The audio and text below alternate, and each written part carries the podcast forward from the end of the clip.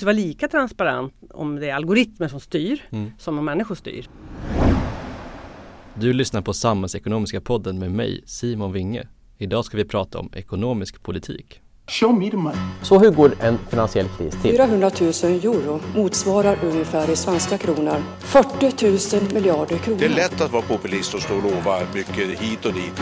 Men eh, du ska få ihop en budget. Många kommuner i Sverige har fått sämre ekonomi. Det går bra för Sverige just nu. Absolut det bäst beska pillret som finns i januariavtalet. We are going to follow the money. Hej och välkomna till Samhällsekonomiska podden som leds av mig, Simon Winge, chefsekonom på Akademikerförbundet SSR. Vår gäst idag är Moderaternas ekonomisk-politiska talesperson Elisabeth Svantesson. Välkommen! Tack så mycket! Jag tänkte vi skulle börja lite lättsamt så här. Du var ju arbetsmarknadsminister fram till valet 2014 eh, och som finanspolitisk talesperson är ju du Moderaternas finansministerkandidat. Så om det skulle bli aktuellt att bli statsråd igen, vad är det du inte saknar med det jobbet? Det är nog att det är väldigt inrutat. Även mitt liv idag är ju rätt inrutat men, men man måste ännu mer passa exempelvis eh, hur man åker. Man har en chaufför som kör på vissa tider. Man kan inte bara ta tunnelbanan eller bussen hur som helst. Det saknar jag inte. Jag gillar den här friheten att styra och, och, över min egen tid mer. Så att äga din kalender helt enkelt? Man äger den i högre utsträckning idag än om man är statsråd, mm. absolut. Mm. Du tog licentiatexamen vid Örebro universitet 2006 och, och du tillhör de riksdagsledamöter som har längst utbildning om jag har läst på rätt. Behöver förtroendevalda mer utbildning? Jag tror i och för sig att det är bra att eh, det är en blandning. Sveriges riksdag är kanske unik på det sättet att det finns verkligen eh, allt ifrån väldigt korta, ut, korta ut, kortutbildade personer till väldigt långutbildade. Jag har själv gjort en otroligt lång resa, alltifrån en civilekonomexamen i företagsekonomi till att sen liksom, när jag blev lite ännu äldre, plugga nationalekonomi och LISA och sådär. Eh, men det, generellt så behöver man ju förstå forskning tycker jag. Eh, men man behöver ju inte kanske ha forskat själv eller ha gått en väldigt lång utbildning. Utan blandningen är nog viktig. Eh, ibland har jag känslan av att i politik i allmänhet och särskilt i ekonomisk politik så kan det ta ganska lång tid innan ekonomiska rön hamnar i liksom mainstream-politiken. Mm. Håller du med om det? Ja, det gör jag. Delvis är det så. Eh, och nationalekonomi till exempel är ett ämne som, men det finns ju inte ja, det är inte alltid en sanning utan det är många forskare och det är bra att veta vad säger forskningen i stort om olika saker. Men det gäller ju all typ av forskning mm. eh, och det kan absolut ta tid att vi vaknar lite långsamt. Men då gäller det också att ha bra tjänstemän på våra partikanslier som är duktiga, som kan fånga upp och liksom den senaste forskningen, att man har en sån diskussion. Och det ser nog olika ut i olika partier. För mig är det viktigt att veta liksom, senaste rönen i olika delar. Men självklart har jag inte heller koll på allt och politiken har det definitivt inte. Kommer du gå tillbaka till akademin när du har inte lika omfattande politiskt uppdrag? Jag tror inte det. Jag lissade ju som sagt innan valet 2006 när jag kom in i riksdagen. Jag är klar med alla kurser i princip, doktorandkurser eh, och skrev då min lissavhandling om invandrares första år i Sverige. Men jag känner nog inte att jag är forskare med stort F. Mm. Utan jag är väldigt glad över de åren. De gav ju mig jättemycket liksom, mm, bra. Eh, ja. Att gå en forskarutbildning är väldigt bra helt enkelt och de har haft nytta har haft nytta av i politiken. Men jag tror inte att det kommer att gå tillbaka till forskningen. Då skulle jag behöva dessutom börja om med en ny, helt ny doktorsavhandling. För de där datan som jag använder då är ju gammalt. Så tror jag inte det blir. Jag tyckte dock att det var väldigt roligt att undervisa. Mm. Jag har både jobbat som gymnasielärare och lärare på universitetet och den delen var rolig. Men jag tror att jag har lämnat det bakom mig. Men man ska aldrig säga aldrig. Och det universitet som jag undervisade på, Örebro universitet, där blev Göran Persson hedersdoktor. Så man vet alla vad som händer i framtiden. Nej, jag skojar bara. Jag vill fortsätta på ett spår där forskare och politiker tycker jag ofta låter lite olika. Mm. Nämligen frågan om gränsen mellan privat och offentligt. Mm. För i näringslivet och bland forskare är man rätt överens om att det beror helt på vad man vill uppnå. Mm. Det kan vara effektivt att göra saker själv. Jag tänker på Apple som har tagit massa grejer och gör dem själva som andra företag outsourcar. Ehm, men hur ser du som politiker på vad bör samhället göra själv och vad bör läggas på privata aktörer?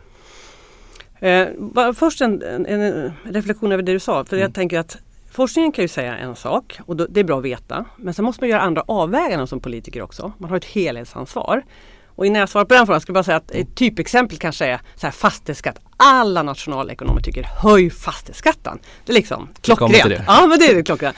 Men då måste man komma ihåg en annan sida av det där. Det är att ett skattesystem måste ha legitimitet bland befolkningen. Mm. Eh, och det hade inte fastighetsskatten. Det är ett sådant exempel. Och det, det, är olika avvägningar man måste göra. Så man måste veta kanske vad som är i det här fallet då, vad, vad säger forskningen, vad säger experterna. Men man måste också göra avvägningar. Det är samma sak med det här med privat eller offentligt. Jag tänker att det blir ju ofta en ideologisk fråga.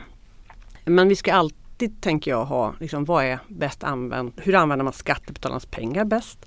Vad är mest effektivt? Och då är för mig är det sällan, målet är sällan vem som driver utan vad vi vill uppnå. Alltså vad ska vi uppnå? God skola, liksom, sjukvård, toppklass och så vidare. Och sen är då utförare inte för mig varken ideologi kanske eller så mycket utan det är mer hur gör vi det på bästa sätt. Um, så att Ja, ibland landar vi lite olika men politiker måste också göra andra avvägningar än vad forskare behöver göra. Jag tänker på en sån effekt ibland kan ju vara om man outsourcar så slipper man ansvar. Mm. Jag kan ibland känna, ibland i kommuner och så, så outsourcas det kanske lite mycket för att man vill slippa ansvar. Är det något du skulle hålla med om? Tänker du på ett speciellt område då eller tänker du generellt? Är det välfärdstjänster eller något är annat? Är det sophämtningen eller liksom vad? Eller generellt? Jag, jag tänker generellt, ja. att då kan man peka på någon och säga ja men där gick det fel, vi får göra om det här istället för att man behöver då ta ansvar för det. Det kan hända att det ligger något i det. Jag tänker samtidigt så är det alltid politikerna som måste ta ansvar för sina egna upphandlingar. Om man till exempel upphandlar säg, sophämtning eller vad det nu kan vara. Mm eh, så måste man ändå ta ansvar som politiker. Man kan ju aldrig komma undan det och det ska inte politiker komma undan heller tycker jag. Utan, så jag är inte säker på att det är så. Det är mycket möjligt. Jag tror att de flesta tänker mest på, när jag träffar kommunpolitiker av alla färger, hur kan vi göra på bästa sätt? Hur sparar man pengar? Eh, hur gör man det liksom? Ska kommunen göra det här eller inte? Kan någon annan göra det bättre? Mm. Det tror jag många tänker. Och inte alltid få slippa ansvar. Så ska det i alla fall inte vara tycker jag. Man har ju ansvar även för en upphandling. Just eh, vi går vidare med kommunernas ekonomi. För statsskulden minskar medan kommunernas skulder ökar. De mm. investerar ganska mycket nu. Men kommunerna lånar ju dyrare även om, oavsett om de lånar från Kommuninvest eller från marknadsaktörer mm. än, jämfört med staten. Hur ser du på kommunernas ökade skuldsättning? Jag tycker det är intressant med den totala skuldsättningen i ekonomin. Och statens skuldsättning minskar, kommunernas ökar precis som du säger ganska kraftigt nu och kommer att göra flera år. Och hushållens ekonomi ökar ju kraftigt. Så summan är ju ändå ganska hög upplåning, det ska man komma ihåg.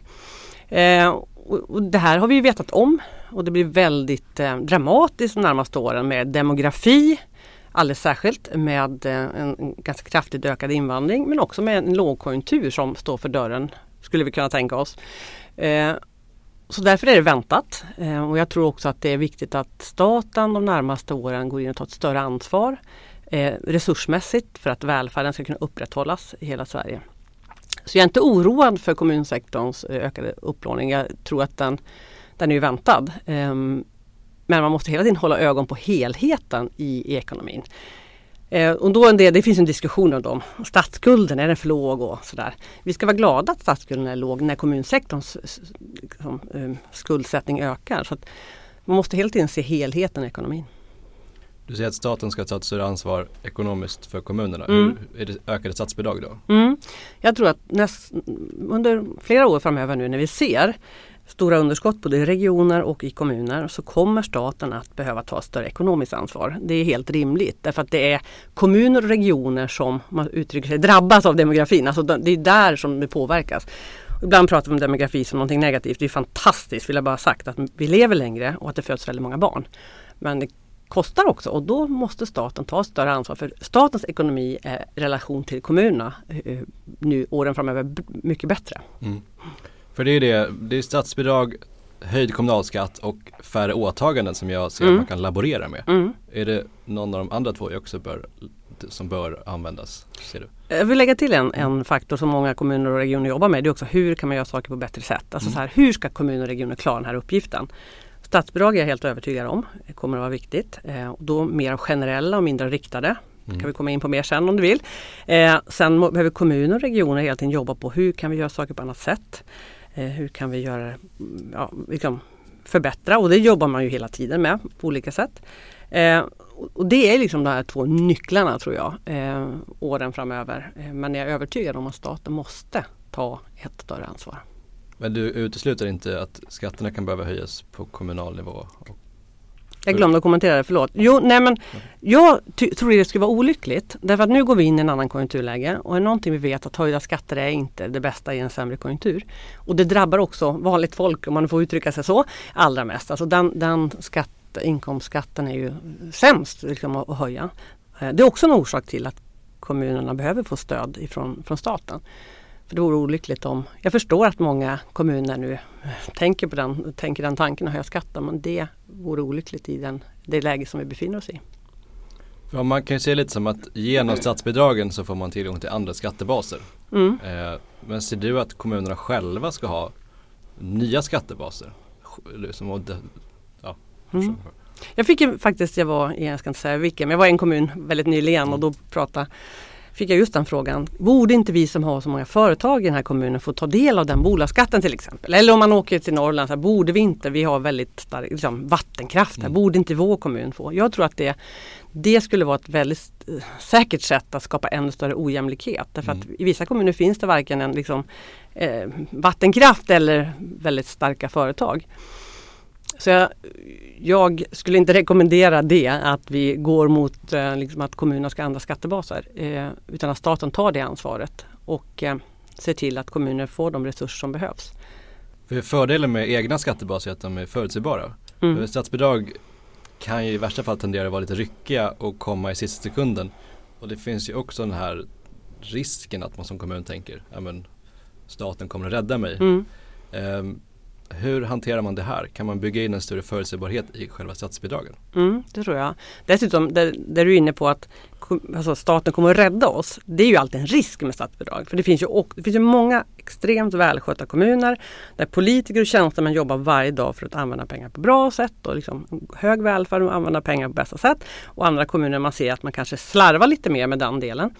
Så man kan tänka sig att, att, staten, jag tror mer av generella statsbidrag, men man kan nog tänka att man ska villkora på det sättet att man, man måste jobba till exempel, vara aktiv med eh, ja, försörjningsstöd eller tillväxtfrågor, någon slags villkor fast inte, inte som riktade. Det skulle man kunna tänka sig. Så det finns en risk med det. Och nu glömde jag andra frågan bara för det, förlåt. Större förutsägbarhet? Ja, förutsägbarheten, förlåt. Jo, men det, jag håller helt med om det. Och jag ser ju ett väldigt stort problem i alla riktade statsbidrag. Då ska jag säga att alla, eller regeringar av alla kulörer har ju haft det liksom som någon slags, jag brukar om man ska ironisera över statsbidragen riktade, säga att det är sådana här press eh, presskonferenspengar. När en, ett, ett statsråd av någon färg vill vi, göra lite avtryck och så skickar man in, idag berättar man att man har 150 miljoner till det här ska kommunerna få för en likvärdig skola eller vad det nu kan vara.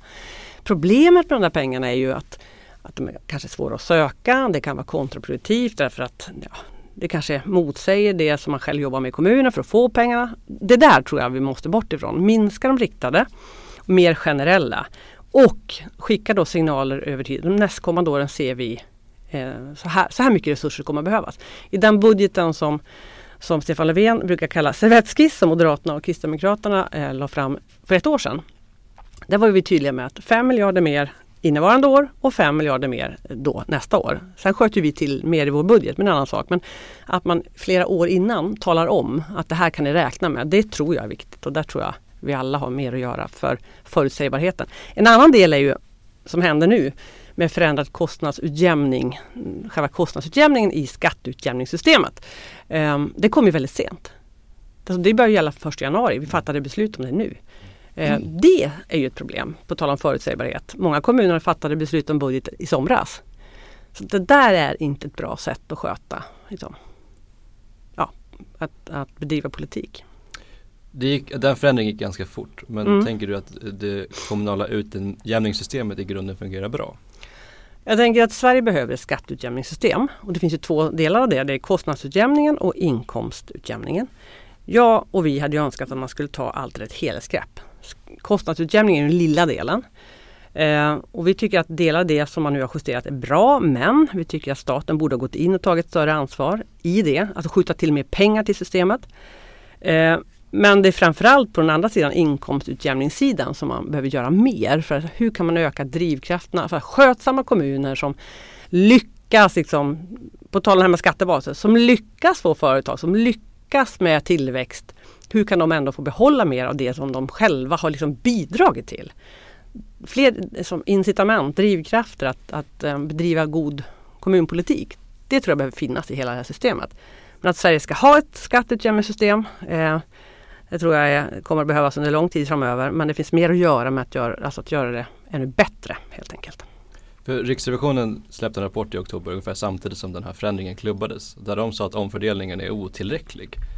Eh, det går lite emot det. Tycker du att det ska bli mer eller mindre omfördelning? Jag tror att staten behöver ta ett större ansvar i det här systemet. Eh, mm. om man tar migrationen som ett exempel. Vi har haft en väldigt hög migration under de senaste åren. Att kommunerna då efter två år inte får, eller två eller tre beror på hur man ser, men att staten helt backar undan. Jag har besökt många små kommuner den här hösten, Filipstad bland annat.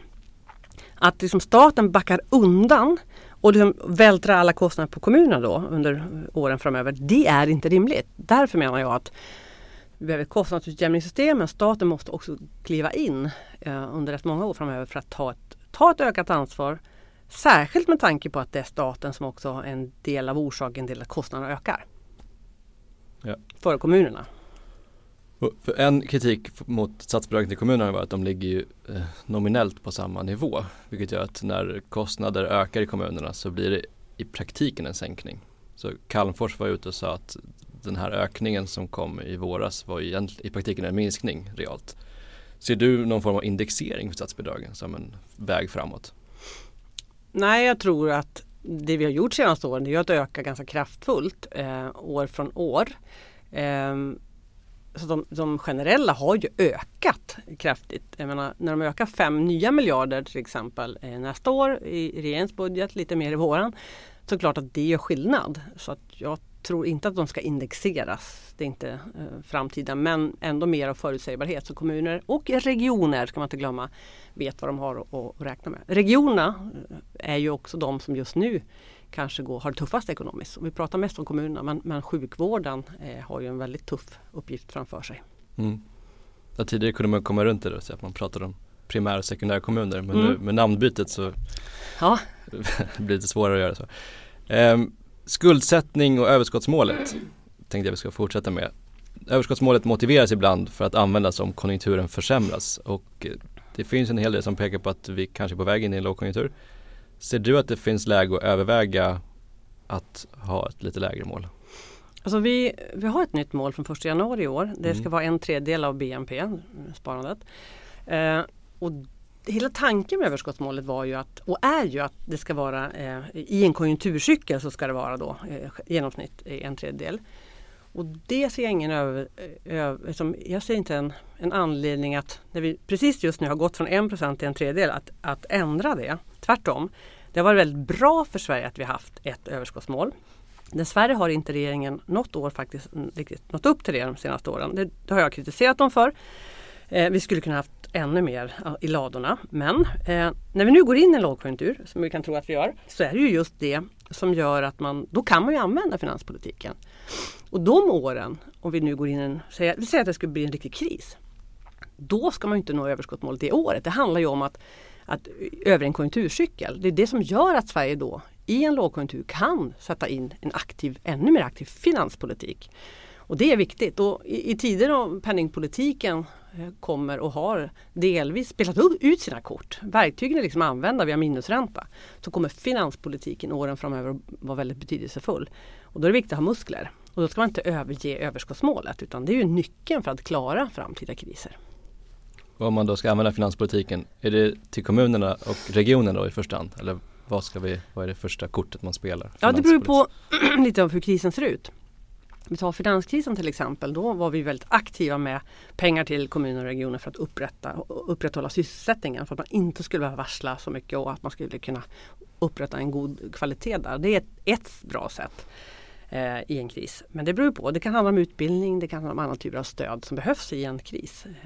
Speciellt utbildning när och många blir arbetslösa, att man faktiskt kan plugga till konjunkturen vänder och, och kanske byta bana mitt i livet. Men hur hög eller låg statsskuld ska vi ha då? Eh, vi ska vara glada. Ja, det är en intressant diskussion just nu och väldigt så här, den är för låg. Och, och, och, jag vill vända mig bestämt mot den uppfattningen att, den, att vi kan få en alldeles för låg. Nu har det varit en utredning som har tittat på det där Och såklart att, att för att marknaden ska fungera så behöver man ha kanske någonstans mellan 15, 20, 25 liksom, procent i lån. Men jag har inte stött på något land i världen som har råkat illa ut för att de har för låg statsskuld. Jag har däremot stött på många länder i världen som har problem för att de har för hög statsskuld. Och jag brukar säga återkom efter nästa lågkonjunktur till alla som hävdar att skulden är alldeles för låg. Vi tar den diskussionen efter nästa lågkonjunktur. Och är det så att skulden då är väldigt låg, då kan man ha den debatten. Vi ska vara glada att vi har låg statsskuld, speciellt när kommunernas och regionernas lån eh, växer. Och vi kommer behöva det i nästa kris. Så att eh, många vill rusa iväg nu. Tyck, man ska låna till det mesta och man ska höja utgifter och man ska stimulera. För det första är vi inte en lågkonjunktur än. För det andra ska vi vara glada att vi har liksom en låg statsskuld. Det kommer att vara, vara bra inför nästa kris. För det utredningen beskrev var ju att vid en viss lägstanivå så slutar ju andra länder och aktörer handla mm. med statspapper mm. så kan man inte ens låna upp när man behöver för att likviditeten är så låg. Exakt, men där är vi inte riktigt än. Eh, skulle jag vilja påstå. Så jag tänker nu hålla i det eh, ganska länge. Vi får se vad som händer nu, hur konjunkturen utvecklas. Men vi har ju ett bra utgångsläge i statens finanser på det sättet att vi har en låg statsskuld eh, och vi kan då också hantera nästa kris hyfsat bra skulle jag säga. Du var inne och fiskade lite i den fråga jag tänkte ställa nu och du har fått den förut och kommer garanterat att få den igen när två ekonomer står här mitt emot varandra. Eh, fastighetsskatten är ju den mest effektiva skatten, är väldigt många ekonomer överens om. Det glittrar i dina ögon nu. Nej, men det är svårt att ducka för den. Ja. Eh, men har du då mer forskarhatten eller mer politikerhatten? Eller hur tänker du kring fastighetsskatten? Nej, men jag, jag förstår verkligen, jag, har liksom, jag förstår absolut argumentet för att eh, en höjd fastighetsskatt eh, eller avgift eh, som nationalekonom därför att det, liksom, det är inte en skatt, man flyttar inte så enkelt och det är en säker skattebas. Men eh, för det första har vi en fastighetsavgift idag. De pengarna går till kommunerna. Det ska vi säga, det finns ju en fastighetsavgift. Det är inte så att vi inte har någon slags beskattning. Men det handlar också om legitimitet. Och någonting som hände under, ja, har hänt under de sista decennierna eller decenniet är ju att det finns en större legitimitet för skattesystemet idag och vad gäller boendet än vad det gjorde då. Och därför så tror jag att det vore eh, en dålig idé helt enkelt att införa någon slags fastighetsskatt i bemärkelsen som vi hade tidigare idag. Därför att det påverkar människors syn på skatter, det påverkar synen på liksom, ja, helt enkelt legitimiteten för hela systemet. Så att jag, har, jag vet, jag kan ha nationalekonomhatten på mig och jag förstår de argumenten. Men om man ska ta ansvar och tänka eh, att skattesystemet ska vara hållbart över tid och att det finns bland befolkningen en, en, uppfattning om vad som är rätt och fel i skatter. Och då vet ju vi att väldigt många uppfattar fastighetsskatten som orättvis. För den här fastighetsavgiften gör ju att vi har en av de, om man jämför med jämförbara länder, lägsta beskattning av fastigheter i ja, mm. Men eh, sticker vi ut då, vi svenskar? Varför går det här att göra i andra länder men inte här? Ja, men allting går väl men vi har inga sådana förslag och jag tror inte att det vore klokt att införa en fastighetsskatt av det, de skäl som jag har sagt. Ehm, mm. Och för att bara upprepa det, vi har alltså en fastighetsavgift. Skatt, avgift redan mm. idag. Så mm. Det är inte så att vi inte på något sätt tar ut en avgift på fastigheter. Mm. En närliggande fråga är ju frågan om ränteavdragen mm. där vi då subventionerar belåning som var mer logisk när vi hade en högre fastighetsskatt. Ska vi fortsätta subventionera belåning i en tid där belåningen är väldigt hög? Alltså, jag tänker så här att det, här, det vi har föreslagit Moderaterna det är att ränteavdrag på konsumtionslån, sms-lån. Den ska vi fasa ut på några år. Därför det tror jag är en väldigt dålig idé att skattebetalarna subventionerar liksom sms-lån helt enkelt. Men lån med säkerhet, där tror jag inte att vi ska gå in och, och, och förändra därför att det innebär ju för det första en skattehöjning. Det vore extremt dåligt nu eh, när vi går in i en annan ekonomisk tid. Det vore också dåligt nu därför att det skulle påverka eh, bostadsmarknaden och bostadsbyggandet. Så att ja, jag tycker att det är hyfsat rimligt som vi har det nu förutom när det gäller sms-lån. Eh, där tycker jag vi ska fasa ut dem de ränteavdragen och det är också de skulderna som kanske ökar eller som ökar allra snabbast just så det tycker jag, de tycker jag vi ska fasa ut. Så vissa typer av lån? Ja, de som inte har säkerhet. Det är en väldigt stor skillnad att, att, att liksom köpa någonting på, på krita, eh, konsumtion inför jul och köp, eller att köpa en bostad. Kan man, då kan man väl belåna upp sin bostad och konsumera för det? Det, det är väl svårt att komma åt? Ja, men så länge man har det som säkerhet. Nu ska vi komma ihåg att det är inte, det är inte hur enkelt som helst idag att få lån. Även, även för en fastighet. Det är ganska höga krav. Man gör ju väldigt, en del tycker att de är för tuffa. Vi har amorteringskrav som gör att man måste, måste betala av. Så att eh, vi har inga förslag på att förändra eh, ränteavdragen på, på lån med säkerhet. Mm.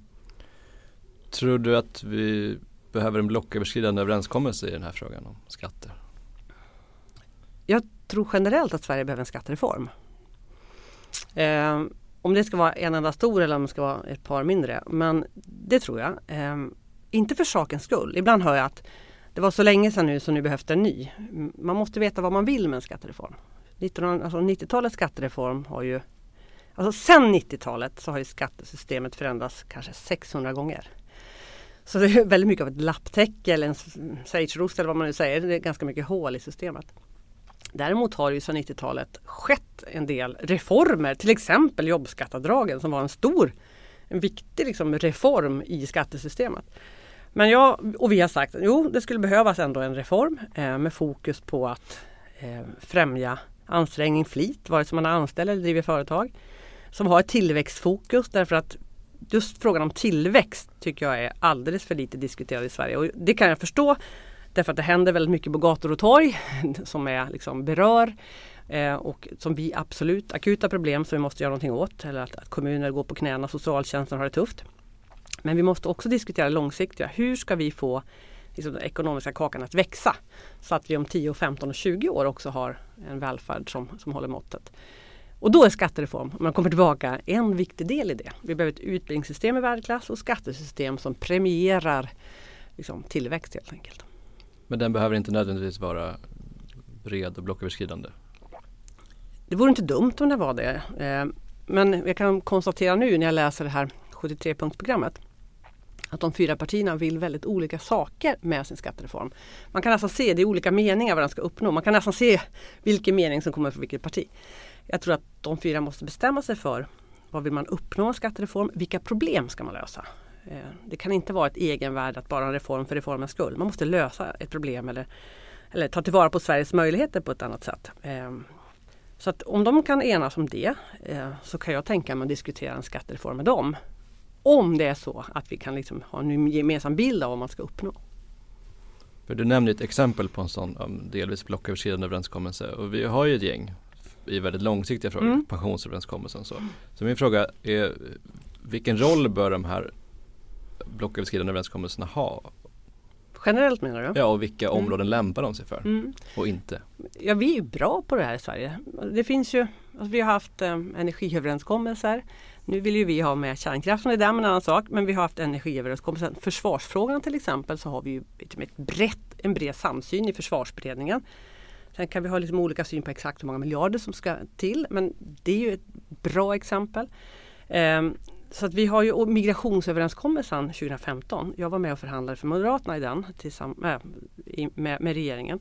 Det var också en sån exempel. På en vecka på en vecka förhandlade vi och fick fram, som jag menar, nödvändig lagstiftning. Så när det är kris är vi duktiga på att ta samman 90-talskrisen eller migrationskrisen. Då är vi snabba. Och lite mer långsiktiga frågor som försvar och energi ändå så är vi ju bra på att göra överenskommelser. Sen tror jag inte man ska ha överenskommelser om allt utan det är det här lite mer långsiktiga som handlar om spelregler. Eh, så att de som är inne till exempel på energimarknaden har lite långsiktiga spelregler. Försvaret måste man liksom ha långsiktighet. Och det ska vi vara stolta över att vi har en bred samsyn. Men det passar sig inte kanske för alla frågor. Och det, man ska inte låsa in alla frågor i överenskommelser heller. Det tror jag riskerar också att skapa liksom lite vakuum. Mm alla partier, inklusive ditt, pratar just nu om fler poliser och så vidare.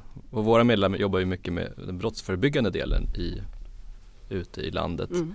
Och det menar de är ofta otillräckligt. Och poliskåren själv säger att vi behöver mer brottsförebyggande arbete.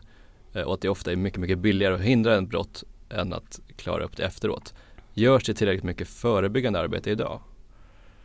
För det första så är det helt rätt att det, så debatten blir ju väldigt lätt enkelspårig. Eh, och det kanske är, har liksom lite sakens natur att när det händer saker, vi har en mamma som blir nedskjuten på, på, på stan med en bebis i famnen.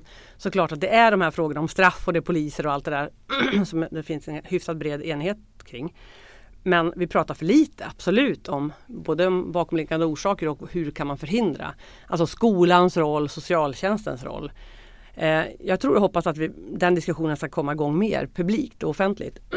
För vi vet ju att där finns mycket av nycklarna för att liksom, nästa generations barn och unga inte ska fastna i eh, all den här problematiken. Så vi behöver göra både och. Vi behöver både ha fler poliser och, och, allt det här. Men vi behöver också prata mer om det förebyggande, absolut. Och vi skulle behöva lyfta jag menar, socialsekreterare exempelvis. Deras situation idag är ju tuff i väldigt många kommuner av många skäl. Både liksom det här som vi pratar om nu med kriminalitet men en, en hög invandring som, som har också satt nya krav. Ehm, Ja, eller om psykisk ohälsa som växer i samhället. Så det är ju en väldigt pressad situation. Så vi borde både lyfta deras situation men också naturligtvis lyfta frågorna om förebyggande arbete. Det är jag den första att, att skriva under på. Ja för det är alltid lättare att räkna poliser och uppklarade brott. Så min fundering är lite bredare. Hur mäter man det brott som inte begås? Hur, hur, hur gör man så att det här hindras? Det, och det pågår ju massor av arbete. Och det är ju, jag kanske inte är rätt person att svara hur man ska mäta det men det pågår ju också massor av arbeten som förhindrar brott just nu i skolan, alltså som där barn får en bra liksom, väg framåt. En annan, man ser ett annat alternativ till att, än att bli langare när man är 12. Att man får en bra skolgång, någon som, vuxen som ser en, alltså lärare och, och andra, annan personal som liksom guidar en i livet. Eller socialtjänsten som fångar upp personer tidigt. Så det pågår hela tiden och det är ju svårt att mäta. Eh, men otroligt viktigt och det, det vet ju alla skulle jag säga i Sveriges riksdag eh, att det här är viktigt. Men vi pratar för lite om det och jag tror att, det, att, den, att debatten och diskussionen kommer också gå åt det hållet. Jag hoppas det. Därför att det är väldigt, väldigt viktigt. Men skolan, om jag säger generellt, är ju till exempel, men för mig var skolan livsviktig. Jag hade aldrig varit där jag är om jag inte hade fått en bra skolgång. Lärarna var otroligt viktiga för mig. Jag har inte det hemifrån att jag är där jag är idag utan det har jag mycket från skolan. Så att, och den chansen vill man ju ge alla barn. Exempelvis. Mm tänkte som vi ska runda av med att prata lite om algoritmer. För som jag ser det så är automatiseringen av vissa arbetsuppgifter den största förändringen av arbetsmarknaden i modern tid. Likaså av offentlig sektor. Eh, så min första fråga, kommer robotarna att ta våra jobb? Då skulle jag vilja vända tillbaka till dig lite. För jag tycker det är så intressant att nu, nu, nu är det ju en diskussion bland tjänstemännen. Att nu sker det här. Mm. Men om vi backar tillbaka tio år. Det har ju pågått tio år i industrin, i tillverkningsindustrin. Eh, jag kommer snart tillbaka till, till tjänstemännen. Men om jag går på ett företag, en, en tillverkningsindustri idag. Eller jag gjorde det fredag till exempel i Gnosjö. Det jag ser där är ju robotar, automatisering. Jag ser mycket mindre folk på, liksom på golvet mot för fem och tio år sedan. Så den har ju pågått länge där. Nu kommer den också in liksom mer till, till tjänstemannaområdena uppfattar jag. Eh, och då är det samma sak där som inom industrin att nej, robotarna och, och AI och så här, kommer att ta vissa, förändra arbetsmarknaden, ta vissa jobb, absolut. Men det föds ju och kommer ju många nya i det. Så att man ska inte se det tror jag först och främst som att nu kommer alla jobb att försvinna. Absolut inte. Utan det kommer att komma fram nya jobb och kanske göra förhoppningsvis göra arbetsmarknaden eh, kan ju leda fram till att man får göra roligare saker själv om en del av det tråkiga kan göras av en, robot. Eller tråkiga men, men lite mer, ja. Mm. En del skulle säga tråkigare, det beror på hur man är lagd, vad man gillar att göra. Rutinartade. Precis, men jag menar ta hela offentlig sektor, det har blivit extremt mycket mer administration inom skolan, inom socialtjänsten, inom sjukvården. Och den utvecklingen är ju inte bara god och tvärtom. Och kan det finnas andra än bara människor som gör det så kan ju det vara en poäng i det. För offentlig sektor då, kommer offentlig sektor att spara pengar och i så fall på kort eller lång sikt? På kort sikt kan det ju vara ganska dyrt. på, på längre sikt kan det nog finnas en del pengar att spara eh, om man gör det på rätt sätt. Mm. Men man ska inte tro på att det här är liksom någon, det här är ju inte the thing liksom. Eh, men jag tar ett exempel bara. Jag läste en rapport från IFAU eh, häromdagen om om eh, digitalisering i skolan. Mm. Man bara konstaterar, man har gjort en liksom, studie att en dator per, per, elev, hela den här som har varit en trend, det har inte förändrat liksom, resultaten, varken till bättre eller sämre egentligen. Till och med så att man kollar på paddornas intrång i, bland barnen, att det kan nästan ha liksom, gått åt fel håll. Att digitalisering, hur den än ser ut, behöver inte bara vara av godo. Utan man måste göra det på rätt sätt och man måste verkligen forska och följa den här utvecklingen så att man, så att man inte så att man inte går på liksom, bilden av att det alltid är bättre, effektivare och eh, skapar bättre resultat. Men det finns ju massor med fördelar också i det här eh, som jag tror är viktigt för forskningen att följa och ut, liksom, utveckla. Men det är inte självklart. Mm. För en fråga relaterat till det här som vi har drivit är hur man ska förstå vad algoritmerna faktiskt gör som Mm. medborgare eller medarbetare. Och om nu allt fler myndighetsbeslut blir automatiserade, vad behövs för att vi medborgare ska få insyn och förståelse i hur det faktiskt sker? Men man tänker på hur det är idag då. Om skillnaden på, om vi tar socialtjänst, jag kan tänka mig tänker på Trelleborg eller så här. Nu vet jag inte, jag har inte varit där, jag har bara hört om hur det funkar. Men är det så transparent och synligt allt som människor gör? Alltså förstår man alla beslut? Eh, det måste vara lika transparent om det är algoritmer som styr Mm. som om människor styr. Mm. Man måste på något sätt beskriva vad som ligger bakom algoritmen. Alltså vad är det som man har liksom Mm. petat in om man uttrycker sig så. Och det måste man också när man tar ett, ett så kallat mänskligt beslut bara. Så måste man ju vara transparent och, och så det är ju ingen skillnad. Man måste det tror jag är väldigt viktigt om man jobbar med, med den typen av att man för in liksom, automatisering och, och algoritmer i systemen att det blir transparent. Så transparent man kan bli.